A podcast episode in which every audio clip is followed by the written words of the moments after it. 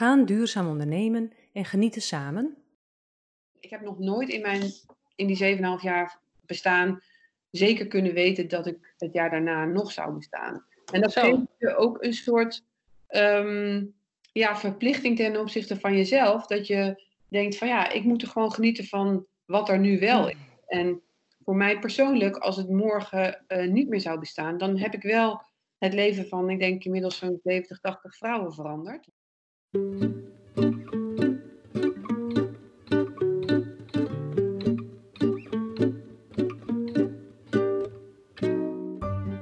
is de podcast Het geheim van de duurzame ondernemer, waarin we op zoek gaan naar duurzame strategieën in een dwingende vrije markt.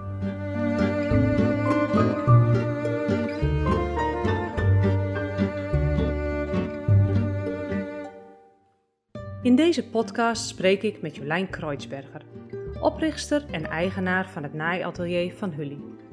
Van Hully is dubbel duurzaam. En ze transformeren daar jouw afgedragen blouse in een prachtige boxershort. En dit wordt gedaan door vrouwen die graag willen werken, maar de juiste vooropleiding missen. Circulair en sociaal. Hoe mooi is dat? Ik werk samen met Jolijn in het project Social Impact Beloond waarin we de impact van sociale ondernemingen zichtbaar willen maken. Ik ben reuze benieuwd naar hoe Jolijn van Hully heeft opgericht en hoe ze dit bedrijf in de lucht houdt. Wat zijn haar kwaliteiten? Wat ik zie is een krachtige, ondernemende en sociale vrouw die al ruim 7 jaar een sociale onderneming runt. Hoe doet ze dat? Wat is het geheim van Jolijn Kreutzberger?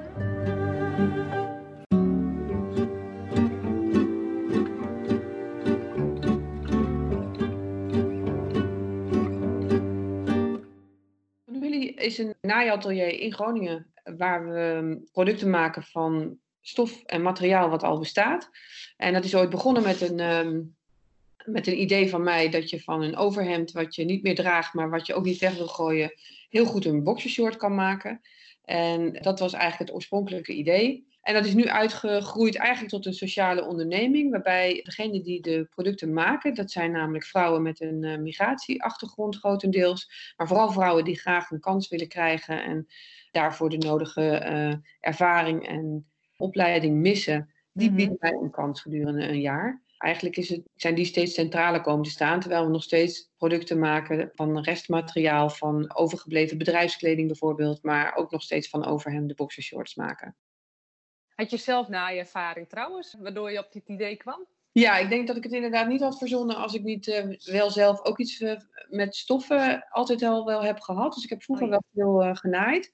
Maar ik had wel bij dit idee, en dat heeft denk ik ook wel te maken met mijzelf. Ik ben niet iemand die dat dan op een zolderkamertje gaat zitten frutselen voor, voor de markt. Dus ik had wel vanaf de start meteen gedacht van nou, als ik het doe, dan wil ik wel echt een merk neerzetten. En dan moet ik ook professionele machines hebben. En dan ga ik het ook niet allemaal zelf doen. We zijn officieel 1 november 2012 begonnen. Dus we zijn nu ruim 7,5 jaar bezig. Ik ben echt begonnen met het idee. Ik, voor mij was het idee wel echt leidend. Van, nou, dit lijkt me tof. En uh, mm-hmm. ik ga kijken. Ik ben gewoon nieuwsgierig. Dat heeft, mijn nieuwsgierigheid heeft me meer gedreven, denk ik, dan mm mijn, wat je toch ook wel vaak bij uh, duurzame en sociaal ondernemers uh, merkt, is dat ze dan zeg maar echt een probleem al ervaren. En uh, ik ben niet dat zodanig begonnen. Dat, daar ben ik altijd wel heel eerlijk over. Ik, ik ben begonnen met het idee en dat vond ik heel grappig. Ik denk van nou, dit heeft nog nooit iemand verzonnen en hier is een markt voor. Ja, natuurlijk, het idee van hergebruik van materialen zat blijkbaar gewoon in mijn karakter. Anders had ik dat, had ik dat nooit verzonnen. Maar de start was eigenlijk van ik ga beginnen. Ik wil, uh, omdat het, ja, het idee is eigenlijk betekent meteen lokaal produceren. Hè. Je kunt niet zo'n idee uitvoeren. Iemand stuurt zijn overhemd in en jij gaat het dan weer ergens anders uh, ver weg is dan uh, er een boxer van laten maken. Dus ik dacht wel meteen van nou, dat moet dan gewoon lokaal gebeuren. Zo kwam ja. ik in contact met de vrouwen die dat ook wel wilden doen.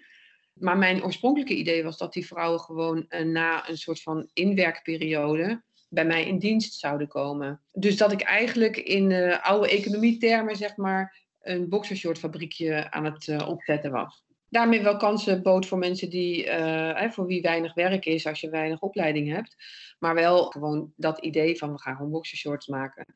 Maar ik, in de eerste anderhalf jaar merkte ik al dat, dat ik eigenlijk met de vrouwen veel bijzonderder dingen deed dan met die overhemden. Namelijk dat die vrouwen ja, vanuit de situatie thuis met kleine kinderen, vaak zonder man, uh, zich ineens wat uh, ja, uh, gezien voelden en iets waard voelden zijn. En toen dacht ik, ja, daar moet ik wat mee doen. Dus mijn grootste switch eigenlijk in het bedrijf is geweest dat ik na anderhalf jaar nadat ik gestart was, eigenlijk aan de groep vrouwen die er toen was, die er vanaf het begin al waren, dat waren er toen ongeveer twaalf, heb ik gezegd van ja, um, vrouwen, volgens mij is het veel handiger dat we jullie een stap verder gaan brengen en dat je dus een opleiding gaat volgen, die niet per se een naaiopleiding is, maar veel anders. En uh, dan ga je dat een jaar doen, want dat, die mogelijkheid bestond. Hè. Bij het ROC uh, heb je een MBO-entreeopleiding en dat duurt maar één jaar. En dan kun je daarna alle kanten nog op. Dat is volgens mij wel echt een switch geweest waarbij ik gewoon bewust heb gezegd van nou, de vrouwen zijn eigenlijk wat centrale komen te staan. En toen heb ik ook gekozen voor het feit dat ik nu elk jaar met een nieuwe groep vrouwen start die dan een jaar bij mij zijn en niet gewoon uh, in loondienstverband nee. zijn. Wij zetten eigenlijk in het begin van het jaar die vrouwen aan en dan hopen we dat ze aan het eind van het jaar nog steeds aanstaan. En um, dat ze niet terug op de bank willen, maar dat ze gewoon of uh, een vervolgopleiding gaan doen, of nou ja, een eigen bedrijf starten, of misschien uh, ja, vrijwilligerswerk gaan doen. Maar in elk geval dat ze nou, op weg gaan naar meer financiële onafhankelijkheid. Mooi. Dus dat, dat, is een hele grote stap geweest, een grote, grote switch geweest. Toen maakte ik ook nog steeds boxershorts, ook echt uitsluitend boxershorts. Inmiddels wel ook voor vrouwen en ook voor kinderen. Maar wij hebben anderhalf jaar geleden, dus dat is zeg maar zo'n beetje uh, toen we zes, nou vijf en een half, zes jaar oud waren, hebben we nog een switch gemaakt. Dus namelijk dat we naar de bedrijfskleding over zijn gegaan. Dus dat we ook een hele businesslijn hebben gestart. Waarbij we van overgebleven bedrijfskleding nou ja, niet boxershorts maken, maar dus uh, laptophoezen of tassen. En allerlei uh, materialen die we ook weer terugleveren aan dat bedrijf. Dus dat is ook weer een, een verbreding om te zorgen dat we een wat meer stabiele vraag hebben. Jolijn heeft dus een switch gemaakt in paradigma. Van huidig economisch denken, waarin de mens als productiemiddel wordt ingezet, naar een duurzame onderneming waar de mens en het milieu centraal staan. Jolijn vertelt welke waarden daaronder liggen.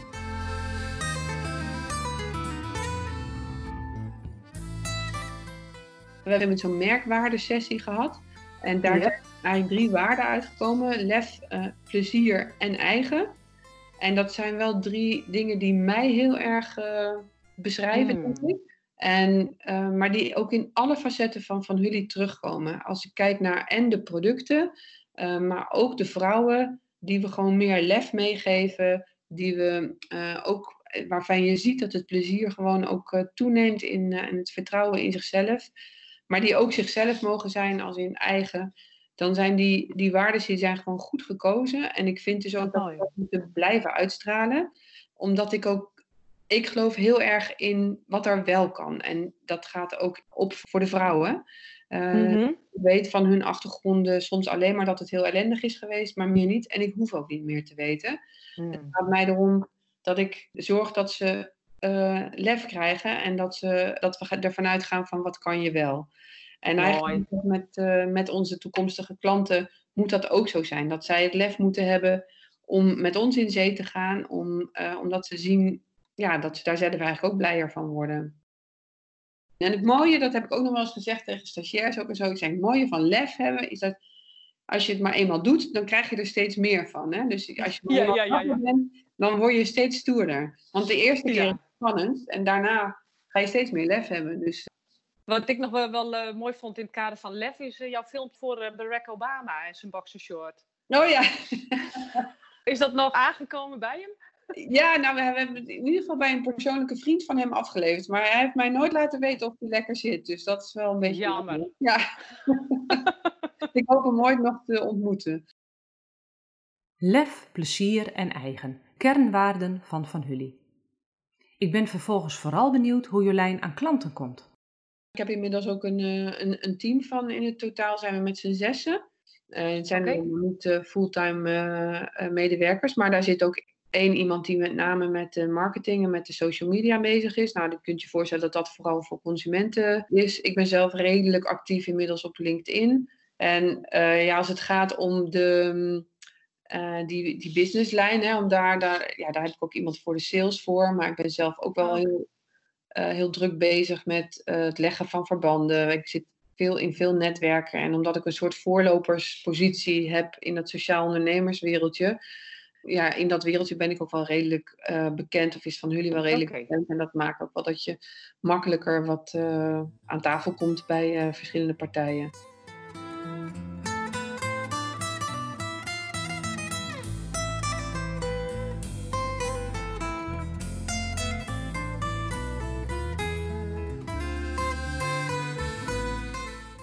kan wel heel makkelijk doen over die, uh, over die marktbewerking. Maar dat is wel het grootste, uh, het punt eigenlijk. Is dat klanten, of ze nou B2C of B2B zijn, uh, klanten moeten gewoon bereid zijn om een faire prijs te betalen. En dat is natuurlijk wel iets wat je heel vaak moet uitleggen nog.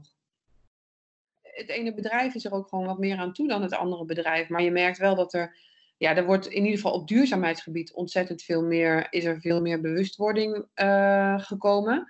En uh, de hele stapel van bedrijfskleding met een logo wat verouderd is, uh, ja, dat zijn gigantische problemen. Dus daar, daar, hebben we, daar spelen we gewoon goed op in. Belang is, is dat wij daarin ook ten opzichte van andere ateliers, die uh, ook tassen maken van bedrijfskleding, want daarin zijn we echt niet de enige, hebben wij denk ik wel dat sociale verhaal heel goed op orde. En daar hebben ja. we onze stempels in verdiend, om het maar zo te zeggen met een B Corporation zijn en met uh, ingeschreven zijn in de code sociaal ondernemen. Dus daar zit wel onze plus. En uh, we moeten dat ook benadrukken, omdat we dat ook belangrijk vinden, dat je daarvoor kiest als bedrijf als je bij ons wat afneemt. Van Hully heeft haar sporen dus wel verdiend. Ik vraag naar de verhouding tussen klanten die zich spontaan aanbieden en de inzet die Van Hully nog moet plegen om omzet te genereren. Ja, dat is een goede. Uh, nou, ik denk, wij moeten dat wel heel actief achteraan eigenlijk. Ja. Oké. Okay. Ja. ja, nog steeds dus. Ja. ja, nog steeds. Maar goed, we zijn dus anderhalf jaar geleden begonnen met die B2B. En dat, ja, daar beginnen we nu ook een beetje bekender in te raken. Maar mensen kennen okay. dat ook niet dan. Hè? Dus je moet ook wel een paar goede voorbeelden hebben. We zijn met UMCG begonnen als eerste klant. Dat is natuurlijk een hele mooie uh, case. En, en uh, inmiddels hebben we gewoon wel een aantal mooie opdrachtgevers. En ja, als je die maar gewoon goed uh, uh, in het zonnetje zet, dan heb, je ook, ja, dan heb je ook wat meer recht van spreken in die wereld. En ja, um, ja ik denk dat we daar wel dat we daar goed in zijn, maar we moeten er wel voor werken. Ja. Kijk, de markt is als zodanig ook aan het verschuiven. Hè? De, de lat ligt toch wel in meer gevallen niet alleen maar meer langs de euro. En um, ik denk dat daar onze, onze toegevoegde waarde ligt. En dat dat verhaal in die zin ook steeds ja, steeds, meer, steeds beter begrepen wordt. Als het gaat om textiel, dan ligt daar gewoon langzamerhand een enorm vergrootglas op. Uh, en komen er steeds meer convenanten over dat je je ergens goed aan moet houden. En het heeft niet alleen maar meer met Bangladesh te maken, maar ook met wat doe je dan met al die kleding die je dan weggooit. Uh, nou ja, Burberry was toen op een gegeven moment heel slecht in het uh, nieuws, omdat die, die willen dingen niet in de sales hebben of ergens anders tegenkomen. Dus die vernietigen ook echt ja, daar, daar zijn steeds meer, en zeker de jongere generatie, merk ik, die zijn gewoon echt daar veel bewuster van. En die, ik denk dat daar wel um, in de fashion echt wel dingen aan het verschuiven zijn. Ja, ja, dus je zegt het, het verhaal helpt, maar maatschappelijke ontwikkelingen zijn een andere factor. Hè? Ja, ik denk dat prijs... Het verhaal sluit ook aan. Ja, klopt. En dan heb je eigenlijk te maken met dat je dat je je merk zodanig moet laden dat de waarde die jij daaraan koppelt, dat dat ook de prijs rechtvaardigt van die je ervoor vraagt. En die waarde, uh, dat wordt anders gepercipieerd dan alleen maar dat die prijs zo laag mogelijk moet zijn. Vanwege corona maakt Van Hully inmiddels ook mondkapjes. Hoe is dat zo gekomen? Ja, nou ja, we hebben, uh, het was eigenlijk een onverwachte markt, want ik was in de eerste instantie helemaal niet zo uh, gecharmeerd van het maken van uh, stoffen mondkapjes, omdat ik dacht van ja, ze beschermen helemaal niet en er is zo weinig over bekend, dus ja, daar wil ik eigenlijk mijn naam helemaal niet aan, aan verbinden. En er was ook nog een bijkomend probleem, is dat uh, vanaf het moment dat de scholen dichtgingen, dat onze vrouwen ook thuis bleven zitten. Dus ik had Oh, oké. geen productiecapaciteit. Dus ik dacht, ja, ik heb geen orders meer voor de B2B. Ik heb geen, want die waren natuurlijk ook allemaal uitgesteld. En ik, maar ik heb ook geen mensen die dat kunnen maken. Dus ik, nou ja, ik ben een week dicht geweest. Maar in die week Oké. ging er al heel veel eh, schuiven met dat mensen zeiden van ja, je moet mondkapjes maken. En ik nog eerst van nou, doe maar eh, niet, eh, want ja, ze beschermen helemaal niet. Maar er waren ook veel mensen die out of the blue tegen mij zeiden van ja, weet je, als je hulp nodig hebt, ik wil wel helpen, want ik zit nu thuis te werken. En Super. nou, ik wil best wel een dagdeel helpen. Of mensen die helemaal geen werk meer hadden. Nou ja, dat heeft erin geresulteerd dat we eigenlijk de afgelopen maanden helemaal op, op vrijwilligers hebben ge- gedraaid. Ja. Ja, en dat is wel echt heel bijzonder. Want ja, dat maakt ook dat het een periode is geweest die ik ook eigenlijk gewoon geen goud had willen missen. Terwijl die heel raar was. Want ehm, ja, mijn functie is natuurlijk veel meer dat ik ook naar buiten ga. En dat ik probeer met, hè, ook, ook, ook met, ehm, met contacten te zorgen voor samenwerking en partnerschap en zo. Dat was ook weggevallen. Maar wij hebben hier in de afgelopen maanden meer dan 200 verschillende mensen verschillende dagdelen eh, langs gehad. En dat is wel echt eh, heel bijzonder geweest. En die kwamen echt van alle kanten. Het was eh, jong, oud, eh, gepensioneerd of student. Of net eindexamen gedaan bijvoorbeeld. Maar ook mannen, vrouwen, mensen met een vaste baan die gewoon toch moesten werken en dat erbij deden. Mensen die helemaal klaar waren of niks te doen hadden. Het was echt alles. En dat was echt heel bijzonder. Want iedereen Ja. Ja, die ik maar iedere keer zei van ja, ik vind het zo fijn, want jullie redden eigenlijk het bedrijf op dit moment. Die zeiden van ja, maar eh, jij redt ons ook, want echt iedereen haalde er zoveel energie uit. Ja, dat is wel echt heel bijzonder geweest. Want, eh, Ja. Er zijn ook opvallend veel mensen die gewoon ook bijvoorbeeld een baan nog hebben gekregen in die periode. En die dan ook aan mij zeggen van ja, weet je, ik zat gewoon anders bij dat sollicitatiegesprek. Omdat ik gewoon niet vanuit huis ging, maar gewoon nog iets aan het bijdragen was. En dus het gevoel had dat ik een soort van werk had. Nou, het heeft echt hele, en een hele leuke vriendschap opgeleverd en contacten ook weer. Ja, dat is wel. En dat allemaal vanuit ja, het goede verhaal achter jouw bedrijf. Hè? Dat Ja. is dan toch de beloning van alle jaren. Ja, Ja. je, dat, zo voelt het inderdaad, precies. Ja. Je, je krijgt ineens ontzettend veel terug aan goodwill die je er altijd met alle presentaties die ik gedaan heb en, en natuurlijk ook het verhaal wat ik steeds verteld heb, krijg je ineens dat terug in zo'n Nou. omvang en in zo'n vorm die je gewoon zelf nooit verzonnen had. Maar nou ja, ik vroeg meestal wel van hoe ben je bij ons gekomen? Maar nee, de provincie Groningen hebben ze op het intranet gezet van als je wat wilt doen, ga dan naar Van Hully. Eh, de. Triodos eh, Bank die heeft aan alle rekeninghouders ook een mail gestuurd van wat je kan doen. En dan in het noorden was het ook van ga dan mondkapjes maken bij Van Hully. En, nou, en mensen die ook zeiden, Geweldig. ja, maar ik, eh, ik volg jullie al gewoon jaren. Nou, het is ook zo leuk dat je gewoon ineens contact hebt met allemaal mensen die jou, ja, van jouw bestaan weten. Dus dat, ja, dat, ik vond het wel echt louterend om het maar zo te zeggen. Wat mooi voor je. En Dus zijn jouw vrouwen alweer terug? Eh, ja, die zijn ook alweer terug. Die krijgen aanstaande maandag hun diploma. Dus ze stromen ook uit. Dus ze zijn ook druk bezig met het werven van nieuwe vrouwen. Dus ook daarin is het een hele dynamische tijd, om het maar zo te zeggen. We, er zijn ook al wat eh, nieuwe vrouwen alvast weer wat begonnen.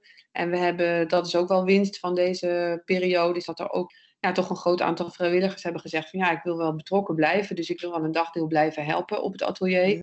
En dat is ook heel leuk, want dat geeft gewoon voor zo'n nieuwe groep eh, vrouwen die begint ook dat je steeds de bekende mensen dan ook hebt op jouw dagdeel. Die je ook kunnen helpen of waar je even een praatje mee kan maken.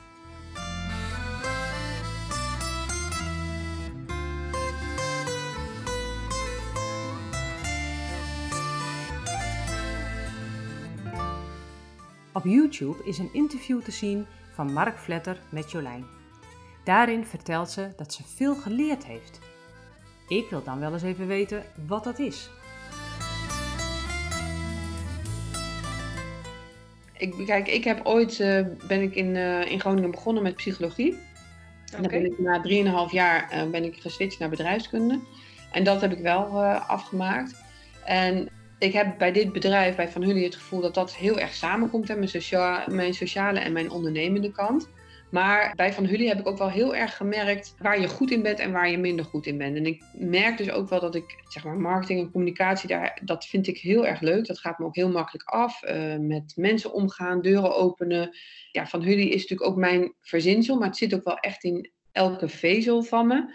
Maar ook wat we willen met het bedrijf, wat we willen bereiken, hè, wat we met die vrouwen bereiken. En dat dat ook zo'n toegevoegde waarde is. En dat ik het ook super belangrijk vind dat dat ook naar voren komt. Dus ik heb ook heel ja, ik heb ook wel geleerd dat daar ook wel iets zit wat, uh, ja, wat je drijfveer ook kan worden. En dat je dus ook andere dingen uh, laat varen. Als ik kijk naar die boxershorts. Nou, ik denk dat als je mij vijf jaar geleden had gezegd dat ik ook uh, laptophoezen ging maken van bedrijfskleding.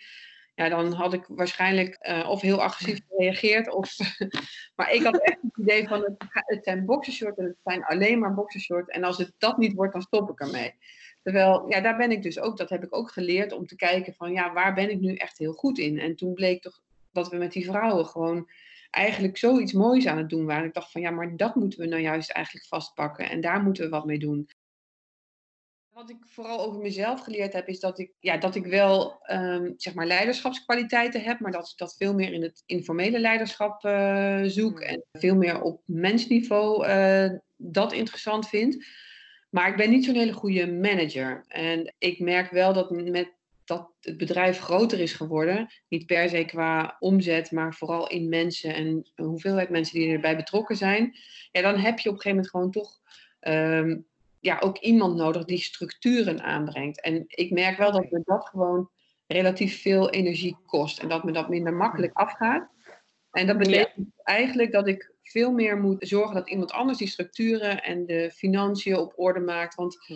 ja, ik heb heel lang gevonden dat ik dat ook uh, ja, moest kunnen. Juist omdat ik ook bedrijfskunde had gedaan. Ja, maar ja, en ik, weet je, ik vind dat gewoon niet, uh, niet geweldig leuk. Ik, ik kan Excel-sheets en ik kan jaarrekeningen allemaal prima lezen. Maar ik, ja, ik haal er niet enorm veel lol uit. Ja, en dan merk je wel dat je op bepaalde dingen dan het bedrijf bijna tegenwerkt. Als je dat soort dingen gewoon hmm. probeert steeds maar zelf te doen. Dus daar heb ik nu dus, dus ook... daar ga je iemand voor aannemen? Of, ja, die heb ik daarvoor aangenomen sinds januari. En, uh, en dat scheelt enorm.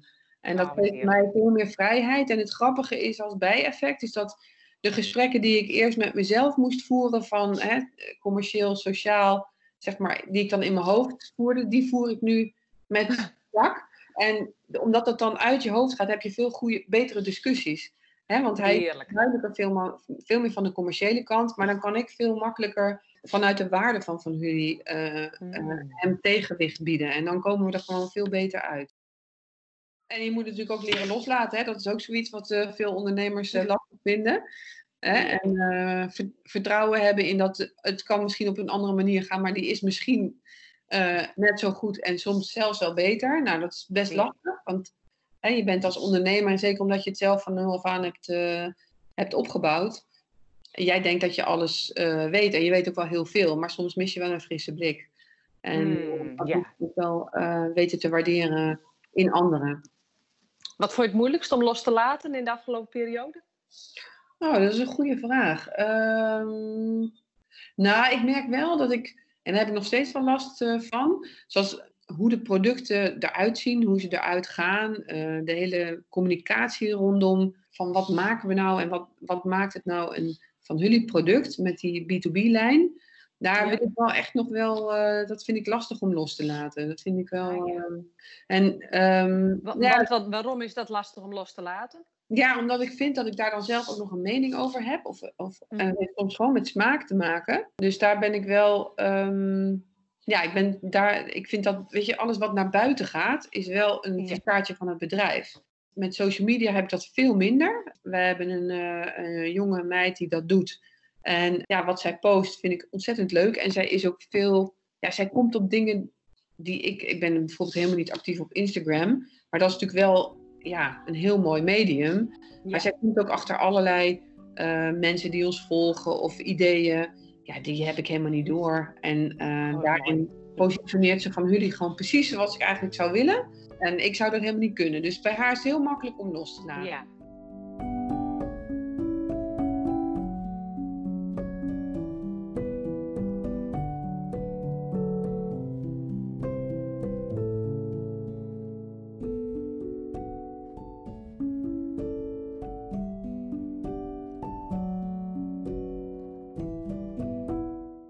Heb ook heel erg geleerd om te genieten van wat er al wel staat. En dat is denk ik ook mm. wat, wat ondernemers over het algemeen vergeten. En dat is wel zonde, want als ik kijk van, van wat ik nu in die 7,5 jaar neergezet heb, dan ben ik geneigd ook om veel te snel te bedenken van nou, dit moet nog beter, dat moet nog anders en dat soort dingen. En ik heb mezelf echt gedwongen om ook te genieten van wat er al wel staat. En dat heeft ook ermee te maken dat wat ik doe met mijn bedrijf is gewoon heel ingewikkeld. Omdat dat sociale en het commerciële met elkaar verenigen, dat eh, betekent eigenlijk dat je iedere keer eigenlijk scherp langs de afgrond uh, aan het ondernemen bent. Ik heb nog nooit in, mijn, in die 7,5 jaar bestaan zeker kunnen weten dat ik het jaar daarna nog zou bestaan. En dat geeft je ook een soort ja, verplichting ten opzichte van jezelf. Dat je denkt van ja, ik moet er gewoon genieten van wat er nu wel is. En voor mij persoonlijk, als het morgen uh, niet meer zou bestaan, dan heb ik wel het leven van, ik denk inmiddels zo'n 70, 80 vrouwen veranderd. Dat heeft er ook mee te maken dat ik denk van die reis die je maakt als je ondernemer uh, gaat worden of als je het bent en uh, je hebt een soort droom van wat je wil bereiken, dan moet je ook die stappen waarderen bij jezelf die je al gemaakt hebt. Want dat maakt het leven gewoon veel makkelijker. Hoe is die realisatie er zo gekomen? Dat je daar meer aandacht voor jezelf bij moest hebben? Nou, omdat ik, ik ben op een gegeven moment, uh, nou, ik denk na 2,5 jaar of zo, toen zat ik ook echt gewoon heel lastig. Had ik verkeerde keuzes gemaakt. Toen wou ik een hele andere kant op. En dat mislukte eigenlijk. Had daar iemand voor aangenomen en uh, die leverde niet. En die kostte wel heel veel geld. Had ik bij een fonds, had ik dat geld losgepeuterd. En die geloofde er ook een beetje in, maar ook niet helemaal. En dat mislukte toen. Uh, toen raakte ook nog een van mijn twee medewerkers toen uh, in een soort burn-out. Dus die was er ook niet. Dat was degene die de vrouwen begeleidde. Ik was daar niet voor verzekerd. Dus nou, ik was echt helemaal... Nou ja, alles uh, ging verkeerd, om het maar zo te zeggen. En um, daar ben ik toch weer bovenop gekrabbeld. En dat heeft er heel erg mee te maken dat um, de mensen die mij er toen bovenop geholpen hebben, de partijen, wat ook weer fondsen waren, maar ook de gemeente Groningen, ook echt wel merkten van, ja, ze gelooft er zelf gewoon wel in. En ze wil gewoon wel echt met die vrouwen verder. Dus die moeten we dan toch in elk geval even uit dit uh, dalletje halen. Vanaf dat moment heb ik toen ook wel echt mezelf voorgenomen van, ik ga het niet meer laten gebeuren. Want het heeft helemaal geen zin om daar wakker over te liggen. Het is nog niet normaal. En we kunnen allemaal wel willen dat die nieuwe economie heel snel komt. Maar het vergt gewoon nog steeds ontzettend veel energie en daadkracht. En uh, vertellen van het verhaal. En dat doe ik met alle plezier. Maar dat moet ik ook doen met de wetenschap van ja, misschien is het niet genoeg. Er zijn genoeg Oh, ondernemers die het gewoon echt heel goed, een heel goed verhaal deden. Die ook gewoon of uh, weer een doorstart hebben gemaakt nu. Of uh, failliet zijn gegaan nou ja, in een soort vrijwilligersorganisatie zijn beland. Ja, weet je, ik, ik Ja. wil dat gewoon bewijzen. En als ik daarin te vroeg ben of als het überhaupt niet lukt, is het ook prima. Maar dan heb ik het wel geprobeerd. Wat Jolijn mij vertelt, doet me denken aan het zen-boeddhisme. In essentie gaat het erom dat het enige wat echt is, is het nu. De realiteit die zich elke dag aan je voordoet. En daarin is alles, positief of negatief. Door te accepteren dat goed en slecht, makkelijk en moeilijk, licht en donker twee zijden zijn van dezelfde medaille, wordt het leven lichter, omdat je je verzet tegen dat wat niet goed is, opgeeft.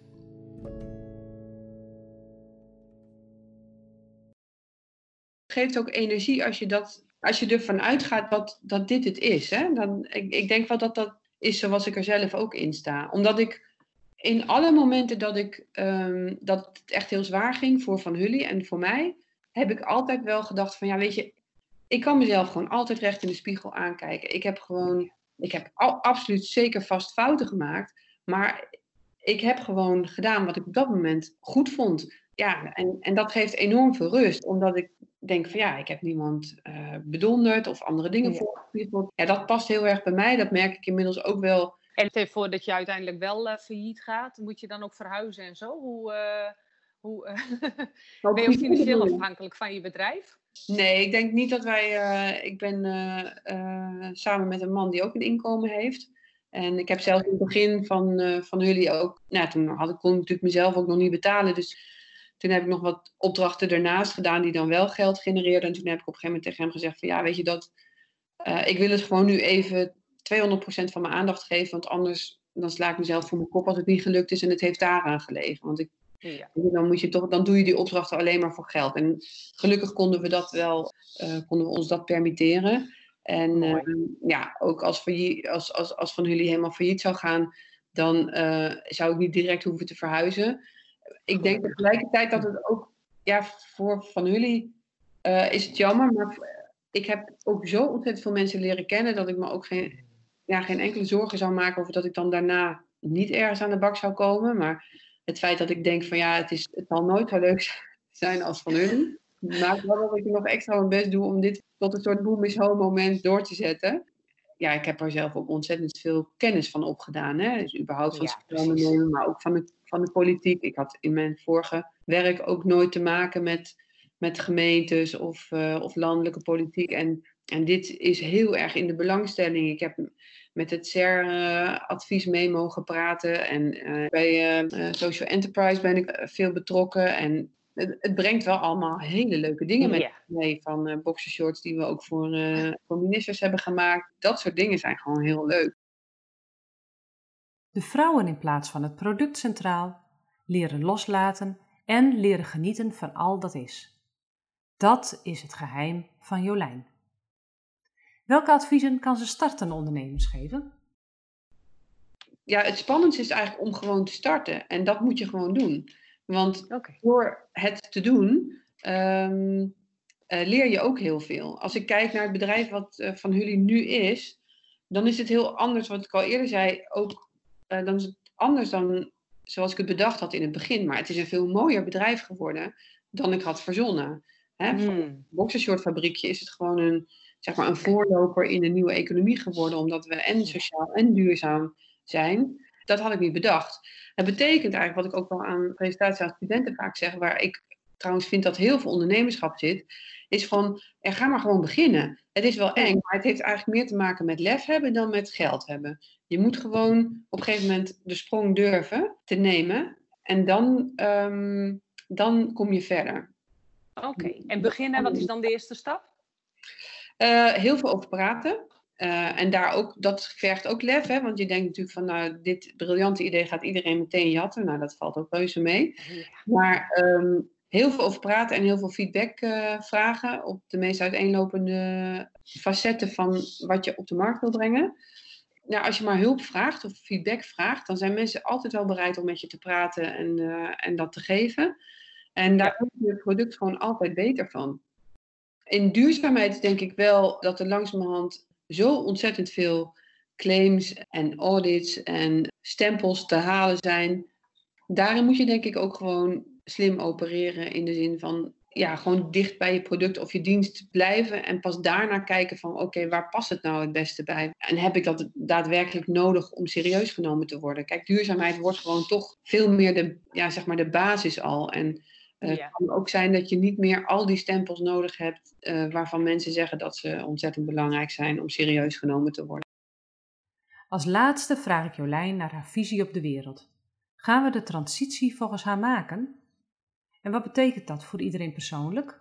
Ik heb vaak als, uh, als motto ook wel eens gebruikt van als mensen zeiden van ja, god, wat, ja, een paar overhemden en zo, wat, wat doe je dan? Dan zo'n uitspraak uh, volgens mij van uh, oprichter van de Body Shop. Uh, Anita Roddick. Ja, precies. Ja. If you think you're too small to make an impact, try sleeping with a mosquito in the room. Daar denk ja. ik sowieso aan. Ik geloof ook heel erg in dat je van onderop heel veel beweging tot stand kan brengen. Dus ik geloof wat dat betreft ook heel erg in de volgende generatie dat die het momentum heeft om echte dingen te veranderen. Ik ben van nature een heel erg optimistisch mens, dus ik, ik denk niet zo vaak dat het heel erg misgaat. Maar ik merk wel bijvoorbeeld dat corona in die zin ook nog wel een, uh, een effect heeft van de realisering van, oh ja, waar waren we nou eigenlijk mee bezig? Dat we allemaal de hele wereld aan elkaar geknoopt hadden. Uh, en dat we meer nu een uh, beweging krijgen naar iets meer lokaal en iets minder vliegen. Ja, ik zie wel allemaal signalen die langzamerhand ook wat meer draagkracht krijgen en draagvlak krijgen. Dus ja, ik, ik hoop het. Ik, ik weet niet, het zal niet, niet met één grote schok gaan, denk ik. Misschien moet we nog wat verder door het putje en wordt Trump nog herkozen en hebben we nog veel meer enge dictators uh, in de wereld. De bewustwording van dat je toch ook als individu, als je elkaar, um, als je elkaar opzoekt, toch een belangrijke stem kunt zijn. Dat vind ik wel hele mooie uh, bewegingen en daar geloof ik ook wel in. En ik denk ook wel dat dat dan dus ook beter gaat worden.